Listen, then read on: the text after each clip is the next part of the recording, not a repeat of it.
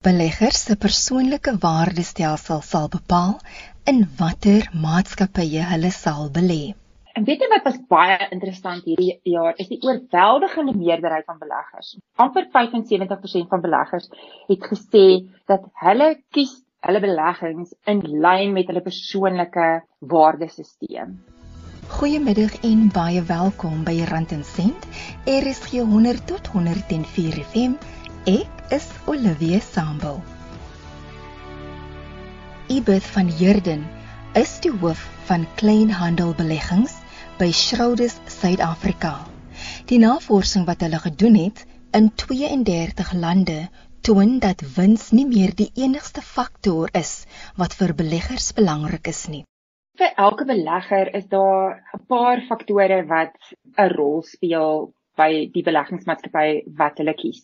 Wat vir ons nogal interessant was of 'n interessante ontwikkeling was wat ons onlangs gesien het in ons globale beleggersstudie wat ons een keer 'n jaar doen en ons het 'n vraelys wat ons aanstuur na omtrent 23000 beleggers in 32 verskillende plekke reg oor die wêreld.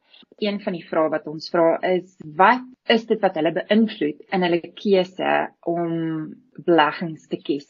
En weet jy wat was baie interessant hierdie jaar is die oorweldigende meerderheid van beleggers. amper 75% van beleggers het gesê dat hulle kies hulle beleggings in lyn met hulle persoonlike waardesisteem. Nou dit is nogal 'n groot skuif wat ons gesien het oor die laaste 5 jaar word dit elke jaar belangriker vir beleggers dat die maatskappye waarna hulle belê moet bestuur word en moet waardeer die impak wat hulle het op die omgewing rondom hulle en omgewing is 'n baie baie woord hierso.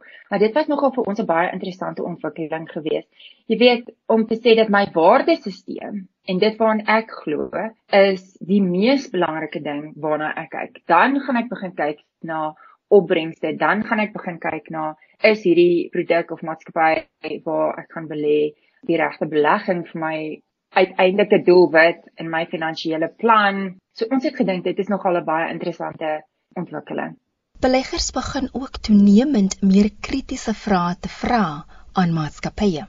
Jy weet in Suid-Afrika wat ek gesien het onder die kliënte met wie ons praat, is seker so een of twee prominente, ek wil amper sê korporatiewe skandale oor die laaste jaar of twee waar beleggers regtig begin vra vra het oor Ek verstaan julle maak 'n goeie winsmarge en ek verstaan dat ek as 'n belegger het baie goeie wins, baie goeie opbrengste geniet. Maar wat beteken dit vir die mark en vir die omgewing waarin julle besigheid doen? En ek dink dit is nogal iets wat jy gaan sien van gaan verander. Ons sien dit verander in ander dele van die wêreld. Dit hang ook af met wie jy praat. Uit hierdie studie wat ons gedoen het, daar's verskillende ouderdomsgroepe wat meer bewus is van hierdie aspek van hulle beleggings as ander.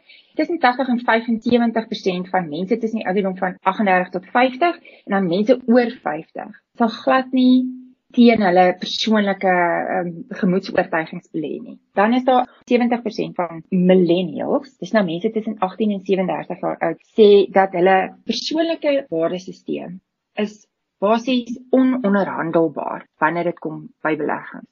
Dis 'n groot nommer as jy so daaroor gaan dink. Dan moet jy vir jouself begin afvra as jy 'n korporatiewe maatskappy is, is hoe kan jy hierdie mense bereik? Ek dink ook dis dalk omdat beleggers se behoeftes verskil. Uh, jy weet as jy 75 of 80 is in Suid-Afrika, is jy heel waarskynlik al reeds afgetree en is inkomste opbrengste vir jou baie baie belangrik. En dan gaan jy miskien dink dat dit is belangriker om 'n opbrengs te kry en 'n goeie opbrengs te kry as wat dit is om in die regte maatskappye te belê. Maar die interessante ding wat ons ook gesien het is dat die navorsing wys vir ons as jy gaan kyk na die opbrengste van hierdie volhoubare maatskappye of wat ons noem volhoubare maatskappye, hoef jy glad nie jou opbrengste op te offer nie. Hierdie maatskappye inteendeel het nou met die COVID krisis wat ons gesien het van Maart hierdie jaar volhoubaarheid en maatskappye wat fokus daarop presteer beter as ander. Beleggers begin ook al hoe meer om die volhoubaarheid van maatskappye te bevraagteken.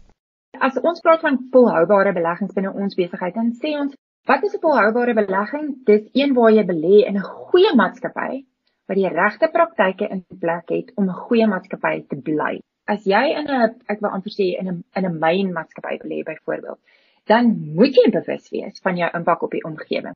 Want jou impak op die omgewing waarin jy besigheid doen, gaan later 'n impak hê op jou finansiële staat. Want as jy nie kyk na jou omgewing nie, gaan dit jou geld kos. Of jy gaan nie verder kan myn in daai area nie, of jy gaan sekere regulasies oortree en dan gaan jy fooie betaal, byvoorbeeld. Daai interaksie tussen 'n finansiële balansstaat en om te kyk na die volhoubare belang van jou besigheid oor die lang termyn. En dit gaan oor verskeie spektrums. Dit beteken jy moet kyk na die omgewing waarin jy werk, so het jy 'n positiewe of 'n negatiewe impak op die omgewing byvoorbeeld. Dit gaan na jou gemeenskap toe. Met ander woorde, het jy 'n regverdige vergoedingspakkette en werksomstandighede vir jou werksmense in plek. Hoekom is dit belangrik? Dit is belangrik in 'n wêreld waar ons al hoe meer sien dat daar 'n groter oorlog vir talent is rondom maatskappye. Dan wil jy seker maak dat jy 'n omgewing kan skep waarin mense voel hulle word waardeer en waar hulle op 'n volhoubare manier hulle beste vaardighede na jou maatskappy toe kan bring. Daar word as al baie gepraat oor die koste daarvan om mense te vervang in besigheid en dit raak al hoe belangriker in die toekoms. Veral waar jy deel met besighede wat in verskeie dele van die wêreld besigheid doen en oor verskeie tydsones besigheid doen waar kulture verskil. Hoe inkorporeer jy diversiteit in jou besigheid? 'n Vraag wat vir my verbasend min in Suid-Afrika opkom is die een wat ons baie sien in ander dele van die wêreld wat gaan oor die mooi Afrikaanse woord van die gender pay gap word mans meer as vrouens betaal.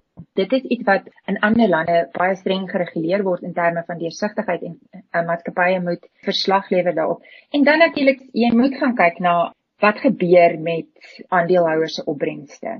Hoe spandeer die maatskappy dit? Wat gebeur met dividende? Word dit uitbetaal? Word dit gebruik vir om aandele terug te koop? En jy weet albei daai goed het positiewe en negatiewe impakte en dit is belangrik om om dit ook in ag te neem. Die navorsing dui ook aan dat een faktor besonder belangrik is vir Suid-Afrikaanse beleggers. As ons vir Suid-Afrikaners vra, wat is vir jou die mees belangrikste wanneer jy kyk na 'n maatskappy se impak op die omgewing, die maatskappy se impak op hulle sosiale gemeenskap waarin binne hulle besigheid doen? Daai sosiale gemeenskap sluit in die gemeenskap waar binne hulle werk.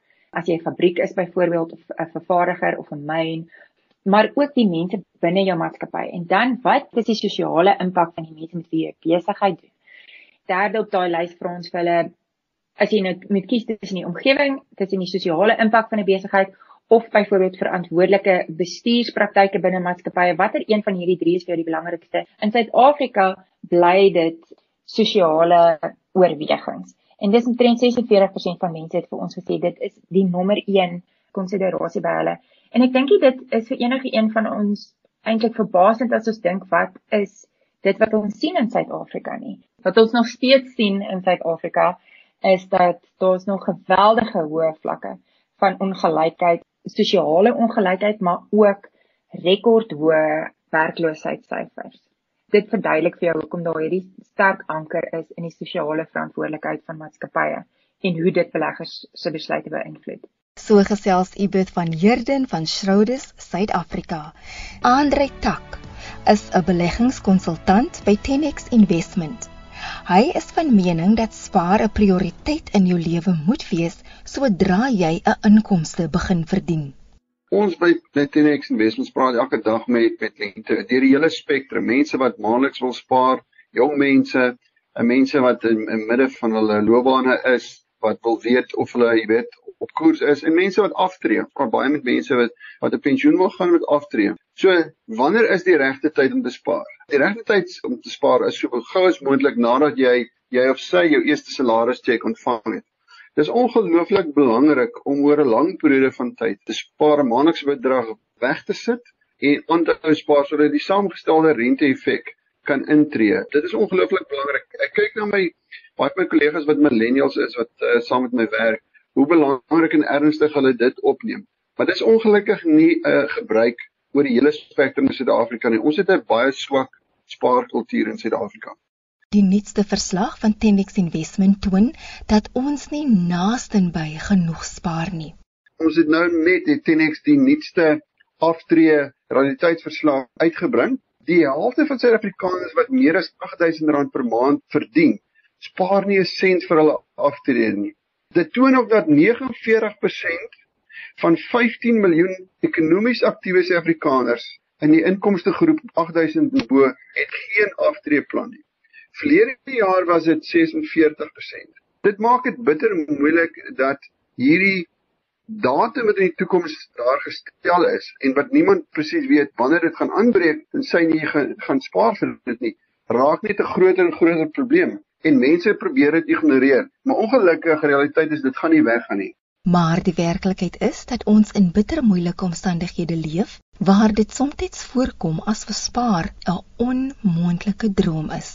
Daar was baie werksverlieste en inkomste wat besnoei is, baie mense is afgelê en baie mense het tot pensioenfonds geld gebruik as die enigste bron van inkomste. So dis baie moeilik en mense gebruik verskonings. Die, ek dink die grootste rede is is dat mense wil hulle huidige lewenstyl handhaaf en druk eenvoudig net hulle kop in die grond en ignoreer daai baie belangrike datum wat hulle met met aftrede het. Ek dink mense is die Engelse woord is ignorant. Hulle verkies om om te swyg en hulle doen nie die nodige nie. Die meeste Suid-Afrikaners kan nie bekostig om af te tree nie. Slegs 6% van Suid-Afrikaners kan bekostig om af te tree. 45% van Suid-Afrikaners sou van familielede afhanklik wees. 32% van Suid-Afrikaners sal nooit op 'n werk nie. 70% van Suid-Afrikaners sal op 'n maandelikse staatspensioen uh, moet staat maak.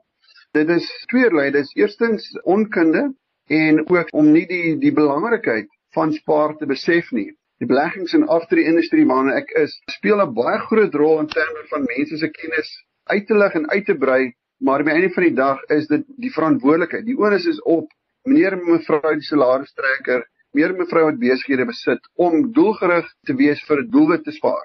Die doelwit kan wees 'n 5 jaar belegging, studiekoste, 'n motor, maar die heel grootste spaarprojek wat jy in jou lewe moet aanpak en dit is uh, iets wat nie eens betwis moet word nie is vir aftrede. Ons sien dat meer en meer mense moet langer werk omdat hulle nie genoeg spaar nie. Die syfers skilder 'n baie donker prentjie. Soos ons sê 49% sê ek het nie 'n plan nie. 20% sê my aftreeplan is 'n bietjie vaag.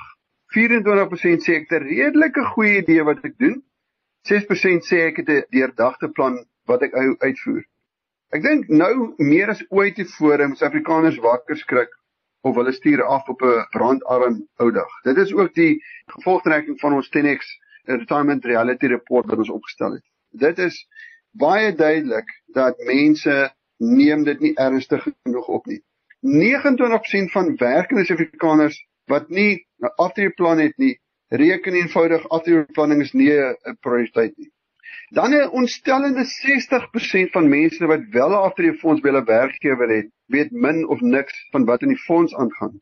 Ons is baie bekommerd dat hierdie tipe van praktyke besig om te gebeur. Ons sê daar's eintlik geen silwer ranking in die verslag nie. Dit lyk regtig asof die jarelange pogings om mense in te lig oor die finansiële nood wat hulle na aftree in die gesig gaan staar enigstens vrugte dra nie en die wetgewing wat aftreefondse dwing om aan mense voorligting te gee oor hul korporatiewe aftreeplan blyk ook nog nie 'n invloed te hê nie. Dan is daar nog 'n tendens wat weens COVID-19 skerp toegeneem het. Die ander groot probleem wat tans en veral in die lig van wat gebeur het met die impak van COVID en mense wat afgelê is, is dat mense hul aftreegeld moet onttrek of nie moet maar hulle het dit onttrek toe hulle van werk verander want hulle is afgelê en hulle gaan nooit die effek van saamgestelde opbrengs op hul beleggings ervaar nie. Van jare 62% van mense wat hulle aftreefondse verlaat het, die volle bedrag in kontant onttrek.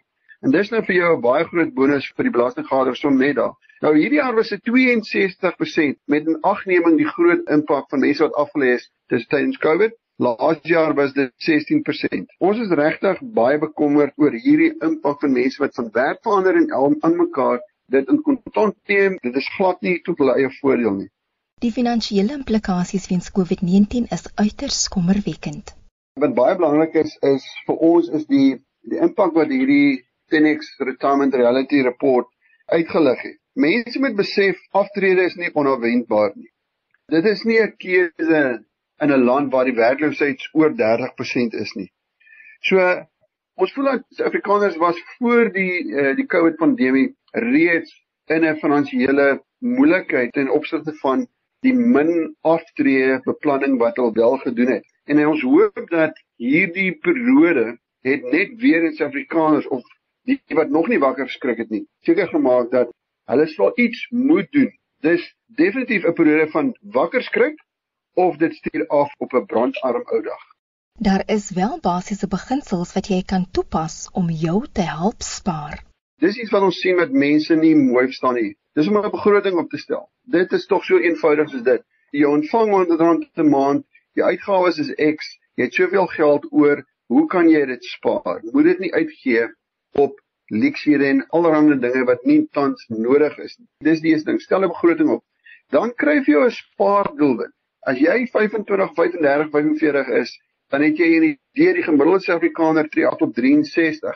Ons kan wel sê dat daai datum gaan uitskuif tot later want mense spaar nie genoeg nie. So kry jy jou spaardoelwit en sorg dat jy by jou maatskappy Sambreel pensioen of voorsorgfonds spaar en ook addisioneel in produkte soos 'n belastingvrye spaarplan of 'n uitredingsaniteit waar jy belastingvoordele het. So stel vir jou uitdagings en die einde van hierdie jaar oor 3 jaar of 5 jaar wil ek al soveel geld gespaar het. Dan ons ook nog gesien mense het talente, hulle stokperd is ons moet probeer om inkomste, ekstra inkomste daai te verdien. Dit is iets wat baie pertinent meer te vore getree het in die huidige COVID periode en dan praat met 'n troubare gesertifiseerde finansiële beplanner om jou op te help om uit te kyk na die slaggate. Hoë kostes is 'n slaggat. Nie te weet om jou belegging te versprei tussen al die bateklasse is 'n slaggat. So jy het iemand kundig in daai spesialiteitsveld nodig om jou te help. Dit was Andre Tak van Tenex Investment. Met die eindeksamen om die draai is dit nou meer as ooit tyd om hersiening te doen. Een van die beste maniere om te leer is om ou vraestelle te beantwoord en so jou kennis te toets. Gaan loer gerus op afrikaans.com se leerhulp afdeling vir 'n lys vraestelle oor Afrikaans eerste addisionele taal en Afrikaans huistaal en spring weg. Om die vraestelle af te laai, gaan na afrikaans.com, klik op leerhulp en kies vraestelle onder die leerblokkie. Daar is ook nuttige studiewenke. Jy kry dit by artikels onder die algemene blokkie op die landingsblad. Voorspoed matrieks 2020 was 'n vreemde jaar vol unieke uitdagings, maar die einde is in sig. Lekker leer. Ek is Olivia Sambo en ek groet tot volgende week. Die program word weer Woensdagoggend uitgesaai. Dis tot sins van my hier op Rand en Sent, RSG 100 tot 104 FM.